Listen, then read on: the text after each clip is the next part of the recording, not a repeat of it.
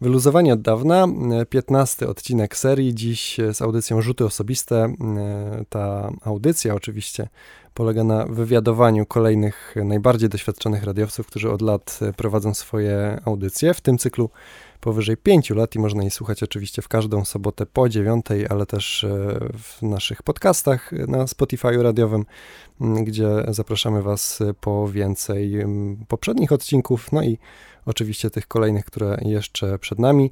A rzuty osobiste to mm, audycja z długą historią i też długą listą prowadzących. Dziś tak e, trochę wyrywkowo udało się e, ściągnąć do studia Radia Luz Przemka Błońskiego, który tę audycję prowadził w przeszłości, później e, rozstał się z mówieniem do mikrofonu, przez długi czas realizował audycję, co nadal czyni, ale dziś jako weteran, jako już emerytowany prowadzący rzutów osobistych, witam Cię Przemku. Cześć, bardzo mi miło. No i oczywiście Paweł Szelong, który cały czas tę audycję prowadzi, dawniej szef redakcji sportowej, obecnie skupiający się, mam wrażenie, w Radiu Luz jednak głównie na opowiadaniu o muzyce w swojej audycji Grit od dobrych kilku miesięcy, ale dziś skupiamy się na koszykówce. Cześć Pawle. Cześć. Jak to było chłopaki z rzutami? Może wasze historie zupełnie będą od siebie różne, więc skoro Przemek był w tej audycji pierwszy, to może ciebie zapytam, bo też od razu pytanie, czy byłeś tą osobą, która tą audycję do ramówki Radia Luz zgłosiła na samym początku? To ja może zacznę od takiej krótkiej swojej historii, bo rozpoczynałem w dziale e, realizacji, w dziale technicznym. I tak naprawdę po około półtorej roku wpadłem na ten pomysł, w ogóle y, próbując y, zasnąć. Już gdzieś tam y, miałem w głowie mm, coś takiego, że chciałbym spróbować w ogóle, jak to jest być za mikrofonem, gdzie na początku to była dla mnie w ogóle abstrakcja, żeby do czegoś takiego doprowadzić. No ale tak sobie myślałem, że fajnie byłoby zrobić coś takiego, że mm, Polak w NBA, bo wtedy Marcin Gorta też miał całkiem dobre sezony i tak pomyślałem, że Fajnie byłoby trochę przybliżyć to słuchaczom. No i też e, nie było takiej audycji wcześniej w Radiu Luz i w ogóle mam wrażenie, że to jest dosyć unikalne na, na całą Polskę e, przedsięwzięcie. E, zaproponowałem to Kamilowi Matei, który też gdzieś tam o czymś takim myślał, myślał o swojej audycji. Kamil był wcześniej związany głównie z redakcją muzyczną, od tego zaczynał. I też w ogóle poniekąd Kamila wprowadziłem do radia, bo, bo wiedziałem, że ma taką zajawkę i, i zaproponowałem mu, żeby dołączył do radia. No jakoś tak zaczęliśmy z Kamilem rozmawiać, że e, fajnie byłoby e, coś takiego zaproponować, bo co semestr można w radiu właśnie e, różne takie propozycje składać. Mm, Kamil przedstawił, fajnie to ubrał w słowa i, i tak, z taką propozycją wyszliśmy. No i udało się wtedy jeszcze od Kuby Stemplowskiego uzyskać taką zgodę na prowadzenie tej audycji. No i taka ciekawostka, nie wiem czy wszyscy wiedzą, ale rzuty osobiste zaczynały się w sobotę o 13 e, przez pierwszy semestr, więc była realna możliwość zaspania na przykład na tę audycję i to też nie była dobra, dobra godzina do prowadzenia audycji i też e, no mam wrażenie, że, że w sobotę o 13 ludzie, ludzie robią e, różne rzeczy, niekoniecznie słuchają audycji, no ale teraz też są możliwości wrzucenia programu na Mixcloud czy coś, więc też, też to zupełnie inaczej wygląda. Także zaczynaliśmy w sobotę o 13.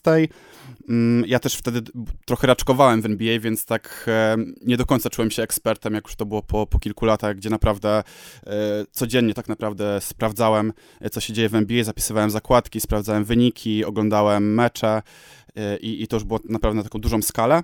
Więc zaczęliśmy o 13. Ja wtedy jeszcze realizowałem jednocześnie program i mówiłem, co było dużym wyzwaniem dla mnie, bo e, dopiero stawiałem swoje pierwsze kroki przed mikrofonem, a dodatkowo jeszcze musiałem się skupiać na tym, żeby e, przełączać e, piosenki, wpuszczać się mm, podkład, mikrofony i tak dalej. Więc początki były tragiczne już było coś takiego, że czułem taką ulgę, jak się już audycja skończyła i totalnie nie byłem zadowolony z tego, jak to wyglądało. Kamil już miał trochę e, doświadczenia za mikrofonem, e, więc, więc też, też było mu trochę łatwiej. No i Kamil był e, dużo większym ekspertem w tamtym momencie ode mnie. No i tak naprawdę po czterech audycjach mocno się zastanawiałem, czy dalej to ciągnąć. Po czym porozmawiałem z Martą Malinowską, którą serdecznie, serdecznie pozdrawiam, o tym, co mógłbym zrobić, żeby, żeby to odmienić. I zaproponowała mi, żebyśmy po prostu zaprosili innego realizatora, żebym ja usiadł z Kamilem w jednym pomieszczeniu. No i tak też się stało i faktycznie to było coś, co totalnie odmieniło e, moje podejście i, e, i tak naprawdę jakość tej audycji, bo mogłem z Kamilem między wejściami rozmawiać, jak wiadomo przez szybę jest to trochę utrudnione. Mm, i mogłem się przede wszystkim skupić na tym, żeby, żeby mówić, e, żeby mieć otwarte zakładki, a niekoniecznie na realizacji. I to był taki krok milowy w przód, no i tak Tak przez pierwszy semestr na tą 13 przychodziliśmy. No i o dalszym rozwoju to, to może, może później opowiem. Kamil Matyja, który już w tym cyklu się pojawił trochę z, w przyspieszonym trybie, bo Future Beats akurat kończyło e, nadawanie jeszcze w lutym tego roku, dlatego Kamil tutaj stosunkowo szybko do nas zawitał, ale wspominał, że to ty wciągnąłeś go do radia i y, mam wrażenie, że to też może w drugą stronę działało, bo e, w którejś ramówce pojawiłeś się, zdaje się, jeszcze wtedy nie w Audio Starterze, ale w muzycznym lunchu. To też jest taka ciekawostka dla, dla wielu osób, które pewnie Przemka z radia kojarzą, ale niekoniecznie z prowadzenia audycji muzycznej. Jakie masz tak pokrótce wrażenia z, z tamtej audycji? Miałeś takie poczucie, że to nie do końca twoja bajka, ale chcesz spróbować, czy jednak y, poruszałeś się w tym swobodnie, może nawet bardziej niż mówiąc o koszykówce? Muzyczny lunch zdaje się był wcześniej niż rzuty osobiste, jeśli dobrze pamiętam. E, to był taki epizod na wakacje, gdzie też było miejsce na, na eksperymenty. E, wtedy też dużo, dużo muzyki sprawdzałem i chciałem e, zobaczyć, jak, jak taka rola mi podejdzie. No i akurat szczerze, jak słuchałem tych audycji, też nie byłem z nich zadowolony i po prostu czułem, że nie do końca potrafię mówić o muzyce, tak, tak jakbym chciał. E, I tak naprawdę to NBA sprawiło, że czułem się w tym temacie dobrze i, i to tak naprawdę był. Była taka recepta na to, żeby, żeby to dobrze wychodziło, bo po prostu to czułem. Także e, taka była główna różnica. E, fajne, fajne było to doświadczenie z muzycznym lunchem, e, ale tak jak mówię, e, no nie do końca udane, ale każde nas czegoś uczy, więc fajnie było spróbować. Paweł, ty w, przychodząc do redakcji sportowej, jakoś szybko się zorientowałeś, że rzuty osobiste to może być miejsce dla ciebie, czy jak twoja droga wyglądała od, od czasu dołączenia do radia, do pojawienia się w tej audycji? W gruncie rzeczy to przed dołączeniem do, do radia już, już wiedziałem, że rzuty osobiste będą moją destynacją tylko, że nie do końca było tak, że słuchałem radia. W ogóle do tej pory nie robię tego za często ani za dużo, więc po prostu w ramach przygotowania do rekrutacji zapoznawałem się z ramówką i siłą rzeczy po prostu jak zobaczyłem rzuty osobiste, to od razu sobie to na Mixcloudzie odpaliłem i, i, i w momencie, kiedy już wiedziałem, że jestem członkiem redakcji sportowej Radia Luz, to, to już zacząłem gdzieś tam starać się, nawet nie pamiętam dokładnie jak wyglądał ten proces, może Przemek będzie pamiętał jak, jak wyglądał ten nasz, że tak powiem, punkt y, jakby styczności komunikacyjnej między mną a Przemkiem w pewnym momencie, ale gdzieś tam od początku myślałem, żeby zadziałać w taki sposób, żeby, żeby z chłopakami współpracować w ramach tej audycji. No. Wiecie, w sumie gdyby to przetłumaczyć na język audycji autorskich, ale muzycznych, to trochę by była taki, mam wrażenie, chybiony pomysł na samym wejściu do radia, um, widzieć miejsce dla siebie, wiecie, w audycji autorskiej, ale być może z założenia po prostu w rzutach osobistych nie do końca było to pasmo wiecie, tych autorów, którzy to wystartowali, co właściwie mm, ten, ten stan rzeczy dzisiejszy to mm, tylko potwierdza, że jednak tam była rotacja, że pojawiały się nowe osoby i pewnie każdy, kto interesował się NBA mógł e, spróbować swoich sił. E, ale rzeczywiście, Przemek, czy wtedy, e, jak, jak dołączały kolejne osoby i interesowały się prowadzeniem rzutów, to miałeś takie, wiesz, starałeś się trzymać ich na dystans i, i, i zostawić to miejsce dla, dla siebie, dla Kamila, czy, czy chciałeś sprawdzić tych e, potencjalnych następców, jak się okazało? Znaczy tak, pierwsze co uważam to mm, NBA to jest taka tematyka, gdzie powinna być dyskusja, więc tutaj prowadzenie w pojedynkę wychodzi zazwyczaj słabo, bo po prostu brakuje Mm, konwersacji na ten temat. Każdy ma jakieś różne odmienne zdanie. E, ktoś lubi jedną, jedną drużynę bardziej, ktoś jedną mniej. E, I, I dzięki temu ta wymiana zdań tak naprawdę pozwala na trochę szerszy obraz tego, co się dzieje w lidze, więc e, zazwyczaj zależało nam na tym, żeby były co najmniej dwie osoby. Najlepiej to wychodziło moim zdaniem, jak byliśmy we trójkę, E, I tak naprawdę każda kolejna osoba wnosiła coś, coś nowego, coś świeżego, więc e, byliśmy otwarci na, na, różne zmiany. Był taki moment, gdzie mieliśmy taką e, stałą trójkę. To byłem ja, Radek Łabęcki i Adrian Łysek. I wtedy faktycznie byliśmy co tydzień razem, no a w pewnym momencie po prostu się okazało, że te soboty no, nie zawsze wszystkim pasują i, i też skorzystaliśmy właśnie z tego, żeby zaprosić Pawła, i z nim, z nim spróbować. E, Kamil w pewnym momencie e, zrezygnował z audycji, więc też się zrobiło, zrobiła przestrzeń dla kolejnej osoby. E, więc jak najbardziej byłem otwarty, chociaż nie ukrywam, że na przykład z Radkiem bardzo dobrze się znamy, więc też potrzebowaliśmy trochę takiej aklimatyzacji, żeby ta nowa osoba musiała pasować po prostu. To nie było tak, że wystarczyło mieć wiedzę i się tym interesować, tylko ta osoba musiała też do nas pasować charakterami i, i, i na tym nam zawsze zależało. Na przykład z Adrianem Łyskiem, który też e, przez około dwa lata prowadził audycję, którego pozdrawiam e, z tego miejsca. Mm, Adrian do nas się zgłosił na, na Facebooku, napisał do nas na Messengerze, e, no, że chciałby z nami poprowadzić audycję, że bardzo mu się podoba to, co robimy i że też ma praktyki do zdobycia, no i tak już mi się taka lampka zapaliła, że no może tylko chcę tutaj odbębnić swoje i, i, i tyle. No i tak sobie wszedłem na jego profil, patrzę na zdjęcie w tle, a tam Arsenal Londyn. E, to, to już, już mi to trochę nie pasowało, że fanatyk NBA, a tutaj, e, tutaj piłka nożna. No i zdecydowałem się, że e, no, nie skreślamy Adriana, ale, mm, ale chcę sprawdzić jego wiedzę i zadałem mu trzy takie pytania, na które, no żeby odpowiedzieć, trzeba się po prostu znać na, na NBA. Takie trochę podchwytliwe i też tak trochę takie, żeby poznać jego opinię, bo, bo to jest trudno wyczytać w internecie. No i wysłałem takie trzy pytania Adrianowi. Jedno z nich to było na przykład, dlaczego Portland Trail Blazers e, skończyli na miejscu czwartym, mimo tego, że ich bilans wskazuje na piąte. No chodziło o to, że pierwsze miejsce w dywizji gwarantuje wyższą, wyższą pozycję. No Adrian ogólnie na każde z tych pytań odpowiedział na jedną stronę A4 i to także jak to przeczytałem, to uznałem, że dobra, e, przy, przyjdź na kawę, pogadamy o szczegółach. Przyszedł na pierwszą audycję, miał e, trochę może braki w mm, styczności z mikrofonem, ale Adrian się bardzo dobrze wpasował i, i naprawdę był taki moment, gdzie uważam, że był na numerem jeden, jeśli chodzi o, o wiedzę i o to, co, co przynosił na audycję. Okej, okay, to żeby dopełnić jeszcze w sumie ten skład redaktorski, to musimy wspomnieć Dawida Pasternaka, który teraz tak, z Pawłem tak. choćby w ostatnią sobotę prowadziliście. Paweł, masz poczucie, że y, kontynuujecie formułę dokładnie taką, jaka od początku użytych osobistych była, czy coś może się zmieniło? To znaczy, wydaje mi się, że w jakiś sposób kształtujemy to po swojemu, to znaczy biorąc to, co, z czym się spotkaliśmy, kiedy do rzutów przyszliśmy i jakoś na swoją modłę to, to, to, to kształtując.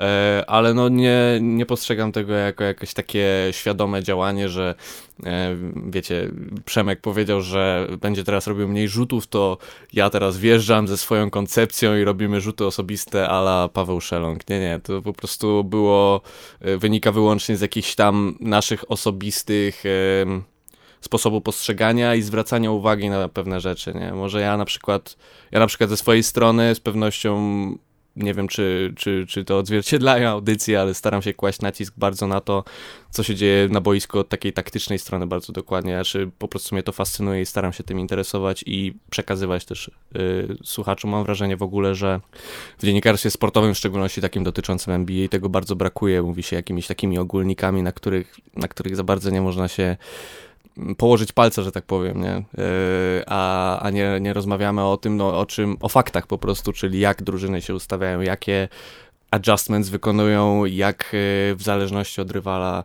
e, ustawiają po prostu cały swój gameplan, który jest szczególnie istotny w kontekście playoffów. Ale wracając do twojego oryginalnego pytania, no to z pewnością siłą rzeczy coś takiego ma, ma miejsce na pewno, ale jak dokładnie to się zmieniło, i, i, i w którą stronę skręciło, to może by się udało przeanalizować, słuchając każdej tej audycji po kolei, ale mm. też w tym momencie nie jestem w stanie powiedzieć dokładnie, jak to się ukształtowało. No bo zamysł ogólnie jest niby prosty, to może ja nie będę wam wkładał słów w usta, ale e, z drugiej strony, może o tym zamyślę za chwilę.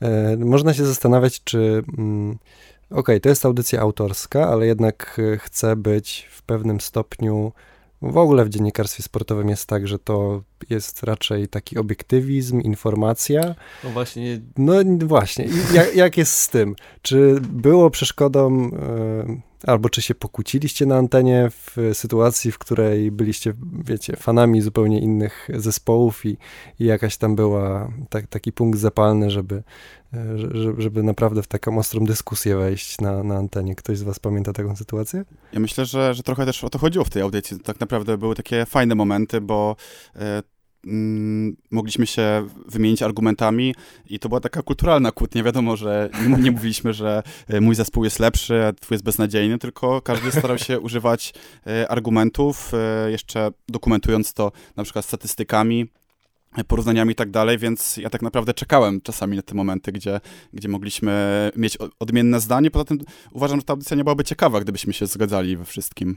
A to też powinno brzmieć, to jak wy uważacie, czy powinno brzmieć tak, żeby słuchacz nie mógł się połapać, czy którego zespołu jesteście fanami, czy to jest jednoznaczne i wiadomo, że jak Przemek opisuje swój ulubiony zespół, to, to, to, to, że, to że będzie tylko, wiesz, w kwiatkach wszystko usłane, czy czy nie?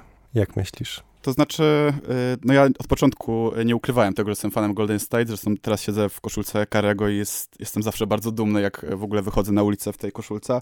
I też miałem to niesamowite szczęście, że y, trafiłem na lata, gdzie Golden State dominowało i, i mogłem mówić o tym, że w radiu mogłem mówić o tym, że Golden State właśnie zdobyło mistrzostwo NBA, więc to było dla mnie naprawdę takie personalnie bardzo ważne momenty.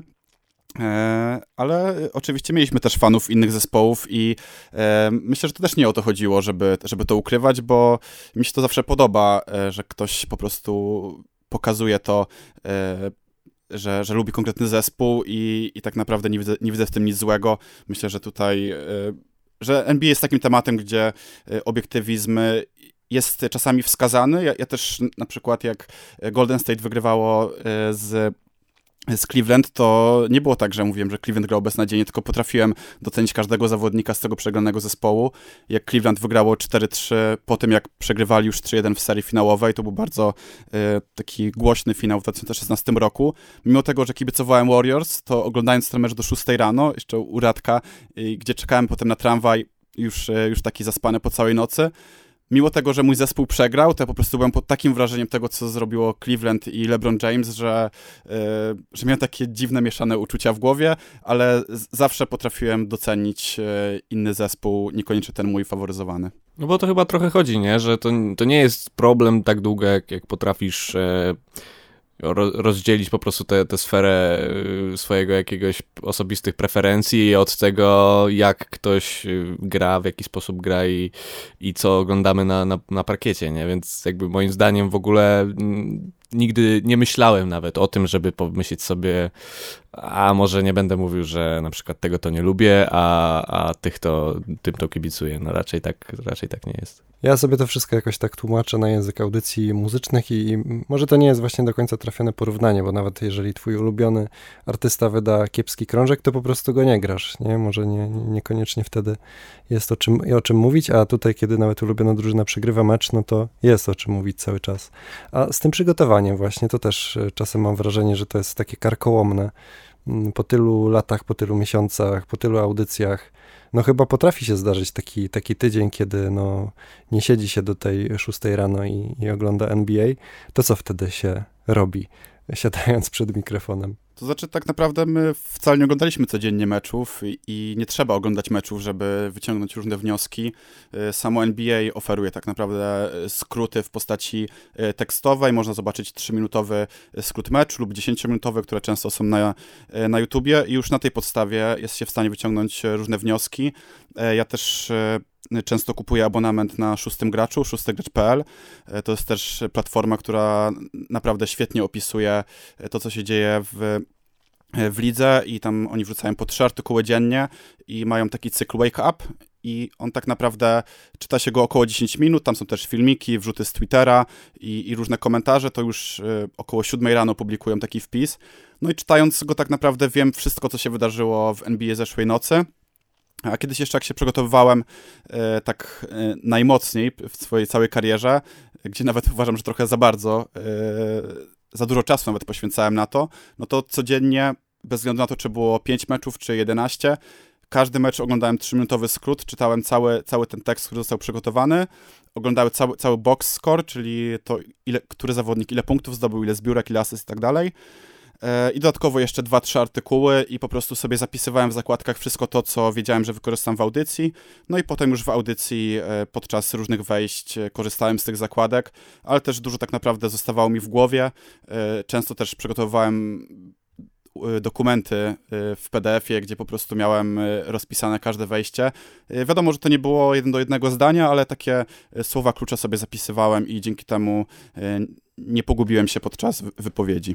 Paweł, właśnie jak wchodziłeś na, na antenę, bo jednak dołączałeś do tego składu, który już był taki trwały w, w, w, danej chwili, to wtedy od razu miałeś poczucie, że jak coś to spoko, nie muszę wszystkiego oglądać, czy byłeś właśnie w takim gazie, że, że starałeś się złapać jak najwięcej tej, wiesz, wiedzy po prostu z oglądania meczów? Z tego co pamiętam, to jak ja wchodziłem, to była akurat nowa ramówka i to się tak szczęśliwie składa, że zwykle e, początek sezonu NBA przypada mniej więcej w takim momencie, że my w rzutach osobistych zdążymy zrobić jeszcze tak cztery czy tam dwie audycje, e, które jeszcze poprzedzają jakiekolwiek mecze. I te audycje zwykle są poświęcone ruchom transferowym mającym miejsce podczas lata i tak dalej. No przede wszystkim temu. E, no i jak ja przychodziłem, to pierwsze moje audycje przypadały, mm, właśnie też przed tą rozmową sobie do tego wracałem, na właśnie taki okres. Więc to było o tyle łatwiejsze, że, że ja po prostu musiałem no przygotowałem się bardzo rzetelnie i to na, sam, znaczy może to zabrzmiało teraz trochę nieskromnie, ale chodzi o to, że e, po prostu czułem się zestresowany, nie? Więc chciałem się upewnić, że zrobię wszystko, e, żeby tylko być jak najlepiej przygotowanym do tych audycji po prostu miałem notatki porobione i tak dalej, i tak dalej. Oczywiście wypadałem znacznie gorzej, tak to zwykle te debiuty wyglądają niż oczekiwałem, Eee, natomiast potem z biegiem czasu, no tak, no to jest to, co, to, co Przemek powiedział, nie? Że, że, że to jest też częścią tego tego, że ty się tym interesujesz, jest nie samo również, oczywiście kluczem jest oglądanie meczów i tą, tą główną rzeczą jest oglądanie meczów, ale po prostu ty na ten temat czytasz cały czas. To jest jakby częścią twojego życia na tyle, że nawet kiedy trochę wypadniesz z tego obiegu na kilka dni, to wiesz, gdzie szukać informacji, które ci pozwolą bardzo płynnie wskoczyć do tego nurtu z powrotem. E, więc to przygotowywanie się u mnie podobnie wyglądało jak u Przemka może. Eee, no i tylko kiedy, kiedy tylko mogłem, starałem się oglądać te mecze, ale też w kontekście przygotowania do audycji to, to jest czasochłonne bardzo. To znaczy, nie mówię, że nie oglądam oczywiście, ale po prostu chodzi o to, że kiedy już oglądam, przygotowując się do audycji, to oglądam kompletnie inaczej niż oglądam na kanapie z piwem wieczorem, bo to jest już takie oglądanie, które jest pełne pauzowania, cofania, patrzenia, kto kogo kryje, zastanawia się, zastanawia się dlaczego kto, ta osoba kryła tę osobę, dlaczego oni zagrali tak, a nie inaczej. E, I potem jeszcze po całości obejrzenia tego, e, jakieś umieszczanie tego sobie w kontekście tego, co inne osoby na ten temat napisały, powiedziały, które śledzę i wiem, że są rzetelnymi e, źródłami informacji. E, no i to zajmuje dużo czasu, nie? Dlatego to jest y, po prostu mm, takie, takie wahadło. Raz, raz y, są takie tygodnie, w których y, po prostu raczej to tak jest oparte na e, właśnie korzystaniu z tych źródeł, które gdzieś tam sobie przez lata wypracowałem, a są takie tygodnie, w których, e, w których to po prostu jest no, cały, cały dzień na przykład mi praktycznie zatuje na to, żeby, żeby się do audycji przygotować. Nie? Mhm to jeszcze w sumie to, to jest myślę ciekawa rzecz, o którą każdego, kto wiecie, ma swój temat audycji, prowadzi ją przez lata, to fajnie tak stanąć z boku i, i, i, wykorzystać tą perspektywę, którą się posiada, bo to naprawdę jest tłuczenie tych audycji z tygodnia na tydzień przez lata. To jest mnóstwo audycji. No jak się ta dziedzina zmieniła, którą się zajmujecie? Potraficie sobie przypomnieć tak na szybko, odtworzyć, jak zmieniła się w ogóle koszykówka, jak zmieniło się NBA przez, te, przez ten czas, bo e, tak, żebyśmy sobie też to uściślili, e, rzuty osobiste od 2014 roku, tak? Czy 15? 13 chyba nawet. 13 nawet. Mhm. Okej, okay, no to już jest ponad 7 lat, w takim razie 8 nawet. Wiesz co, no koszykówka dla mnie no, zmienia się tak jak każda inna dziedzina tak naprawdę. E, tak jak się zmienia muzyka, chociażby rap czy coś, to, to wszędzie to, to widać. E, no przede wszystkim e, rzuty za trzy punkty e, odgrywają bardzo dużą rolę. E, właśnie Steph Curry, którego mam koszulkę, e, po prostu przeprowadził rewolucję w NBA i to, co on teraz wyprawia, wystarczy sobie e, wpisać, co robił w jednym z ostatnich meczów, gdzie on rzuca regularnie po 11 razy za 3 punkty i to nawet czasami w niecałe 30 minut gry. E, no to tak naprawdę zmieniło oblicze gry i to już nawet nie jest to, że oni rzucają za trzy punkty, tylko oni rzucają z 10 metrów, e, czasami już prawie z połowy boiska. I to, że na przykład teraz wysoki zawodnik, który ma 2,15, to nie jest tak jak 10 lat temu, że on musi być silny, musi zbierać piłkę, musi dawać danki i, i łapać alejupy, tylko on też musi potrafić rzucić trójkę i jeżeli tego nie robi, to po prostu nie jest kompletnym zawodnikiem i, i już to, to miejsce w NBA może, może być mniej minut po prostu dla niego na boisku, więc uważam, że przede wszystkim e, rzuty za trzy punkty i to, że praktycznie każdy e, potrafi albo powinien e, potrafić to robić. No i też dynamika gry. Mam wrażenie, że gra jest dużo szybsza, chociażby zmienili to, że po zbiórce w ataku ma się 14 sekund na, na oddanie kolejnego rzutu, gdzie wcześniej to były 24 sekundy. To też sprawia, że wyniki są, są trochę wyższe. I też e, coraz więcej zawodników z Europy pojawia się w NBA i, i to naprawdę są jednymi z czołowych zawodników, chociażby e, Doncic czy Jokic, który ma szansę w tym roku na MVP. Więc to z takich moich, moich obserwacji to na szybko, to myślę, że, że te rzeczy bym wymienił.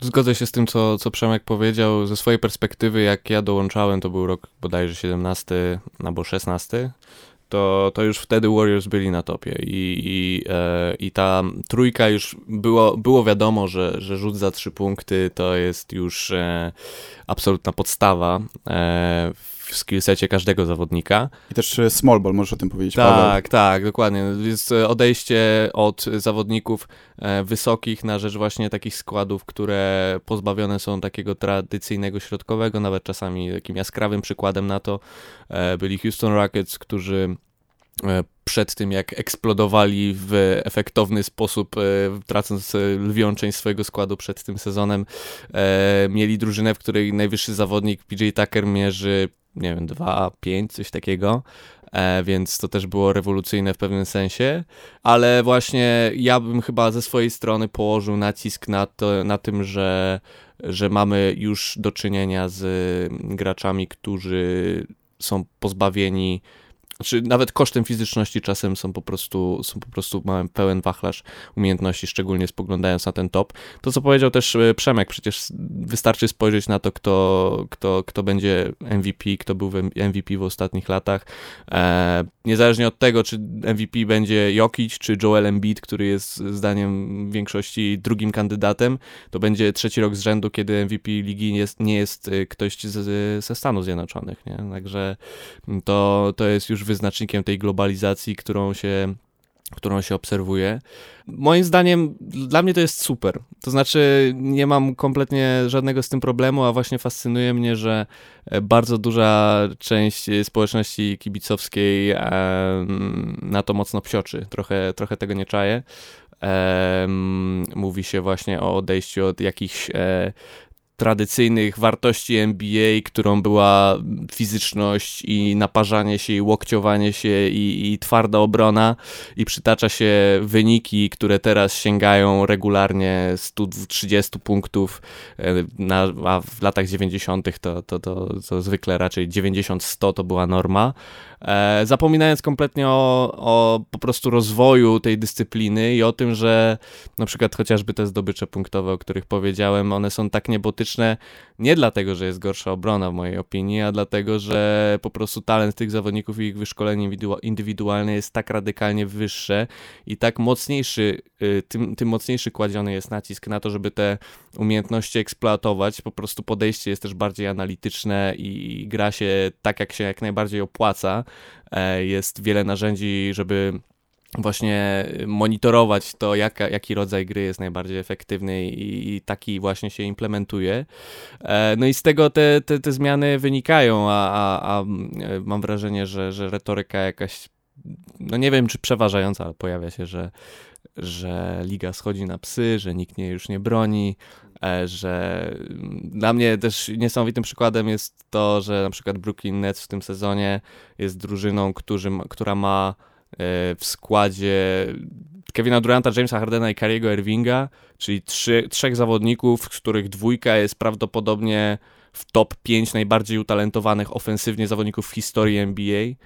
E, I wszyscy mówią, że bez obrony się mistrzostwa nie wygra więc nie mają szans. No jakby może nie wygrają, ale dla mnie po prostu takie krótkowzroczne myślenie jest nie, nie, do, nie, do, nie do ogarnięcia. W takim razie Pewnie tak, ale czy, czy, czy, czy no takie w sumie przemyślenia też się zna znajduje miejsce w cotygodniowej audycji, czy one jednak, wiesz, opierając się na wynikach z ostatniego e, no. czasu, trochę, trochę to ucieka, a może to właśnie w naturalny sposób, tak podprogowo się pojawia, bo to NBA się zmienia, więc to sposób, w jaki o nim opowiadacie w audycji też się przecież zmienia. No tak, no to jest, y, wydaje mi się, w natur- tak jak powiedziałeś, w naturalny, w naturalny sposób jakoś staje się częścią całej tej narracji, którą my prowadzimy, nie?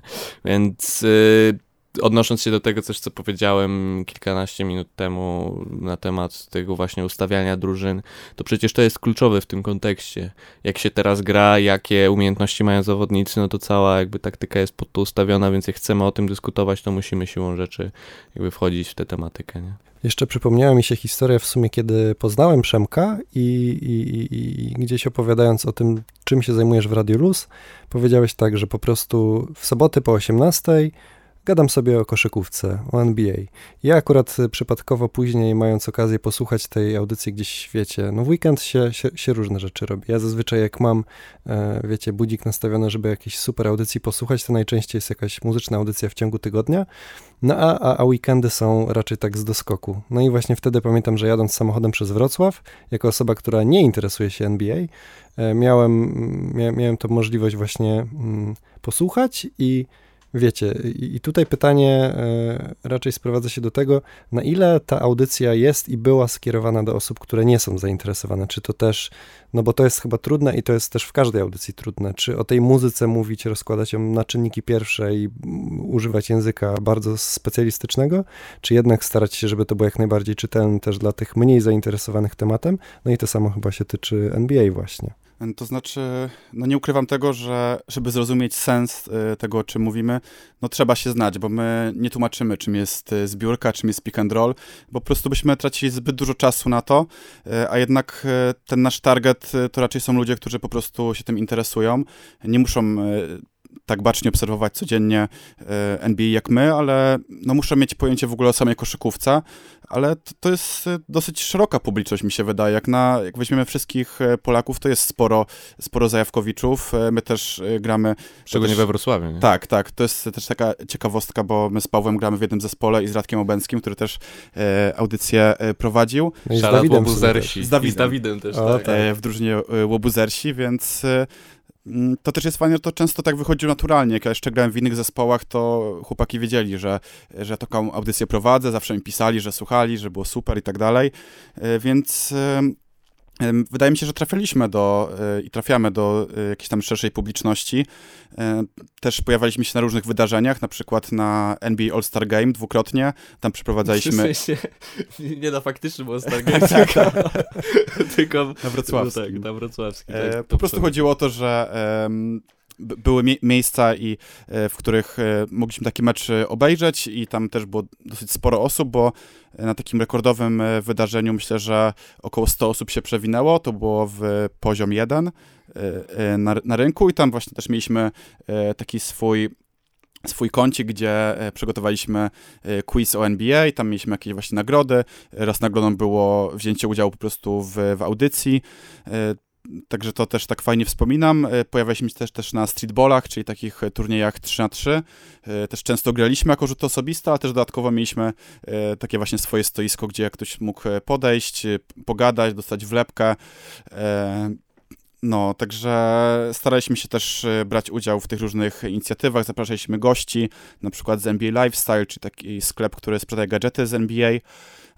NBA Polska, to portal, e, też ludzie z Wrocławia, którzy się tym zajmowali, aktualnie już, już to jest e, przeszłość, ale też, też u nas e, się pojawili w audycji, rozmawialiśmy na temat NBA.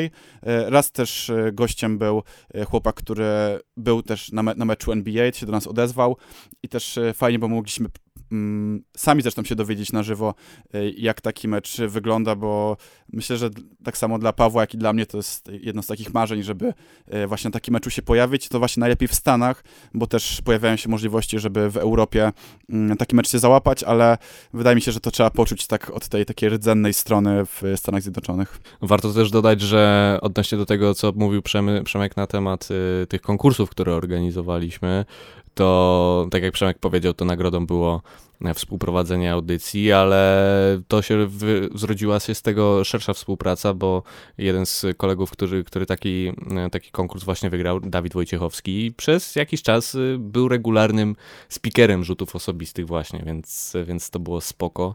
E, no i te wszystkie eventy dookoła, które, które gdzieś tam się udawało ogarniać, to e, są źródłem kilku śmiesznych historii, także dla mnie to było bardzo fajne, bardzo fajne wspomnienie. Też z Radkiem pamiętam, e, nagłaśnialiśmy jedną i taką imprezę streetową. E, niesamowity był to dzień, po prostu pełen e, kompletnego chaosu związanego z organizacją, nie, ale też z pogodą i tak dalej, po prostu tak, wiatr tak, wiał. Był straszny wiatr, pamiętam taką sytuację, bo ktoś z nas musiał e, stać przy sprzęcie i puszczać muzykę, jednocześnie graliśmy też mecz e, no, no, no. i ktoś z nas musiał po prostu być przy tej konsoli. Pamiętam taki moment, jak był bardzo wyrównany mecz i nagle nam jeden głośnik spadł na ziemię i, i my po prostu musieliśmy jednocześnie próbować wygrać mecz, a z drugiej ogarnąć e, nagłośnienie, także działy się różne, różne rzeczy, ale wspomnienia na pewno są bardzo dobre ja związane z tym. Raz byliśmy, z, to chyba byliśmy na jednym takim evencie, byliśmy tylko z Radkiem i nie graliśmy wtedy i to było koło to centrum handlowe przy Legnickiej, to jest Korona czy Magnolia? Zawsze mi się myli. Przy Legnickiej Magnolia. Mhm. No, przy Magnolii i też po prostu wiatr wiał strasznie, on ten namiot wywiewało, a sprzęt mieliśmy, y, mieliśmy gramofony. Więc po prostu nas zwiewało igły z tych gramofonów, wywiewało nam e, ten całą plandekę, też głośniki leciały i pod, podbijaliśmy do stanowisk obok, żeby nam pożyczyli takie mieli wielkie obciążniki do tych namiotów swoich. E, nie chcieli pożyczyć, także nie pozdrawiam. Ale musiałem, łaziliśmy dookoła tej magnolii e, i szukaliśmy głazów, żeby przygdzieś ten namiot. Jeszcze potem się okazało, że mikrofon który miał speaker, miał być bezprzewodowy, a był przewodowy, to w ogóle nie było jakby w naszym zakresie kompetencji, ale my byliśmy systemem nagłaśniającym, więc Radek gdzieś pojechał, ogarnąć się mikrofon, zostałem sam, więc te gramofony po prostu z tymi namiotami, z tym wszystkim, ludzie jeszcze grają w kosza, no ale jak y, jakieś zobaczyłem jakiegoś dzieciaszka, jak wywija do DJ-a Paypala, to, to, to mi po prostu wszystko zostało, zrekompensowało, a jeszcze Radamer na koniec, y, jak była ten, jak była dekoracja, to Radek jeszcze puścił Kanye'ego Westa Celebration. You know what this is? It's a celebration, bitches. zarobiste, zarobiste wspomnienia. Jeszcze w ogóle przed tym miałem okazję rozmawiać z Maćkiem Zielińskim. Z Maćkiem Zielińskim też jest w sumie taka jeszcze anegdota z rzutami związana, nie? Bo dla tych, którzy nie wiedzą, Maciej Zieliński to jest y, legenda koszykar y, koszykarskiego Wrocławia i nie tylko. W zasadzie w tym okresie największej świetności WKS-u to Maciej Zieliński był pierwszą, e, pierwszorzędną postacią w zasadzie. No i wydaje mi się, że to było Także mieliśmy patronat medialny jako Radio Luz i, i właśnie w związku z tym mogliśmy porozmawiać z Maciejem Zielińskim i ja mi przypadła ta e, przyjemność i z, pojechałem o jakoś bardzo wcześnie rano, jakieś zajęcia opuściłem prawdopodobnie z tego powodu.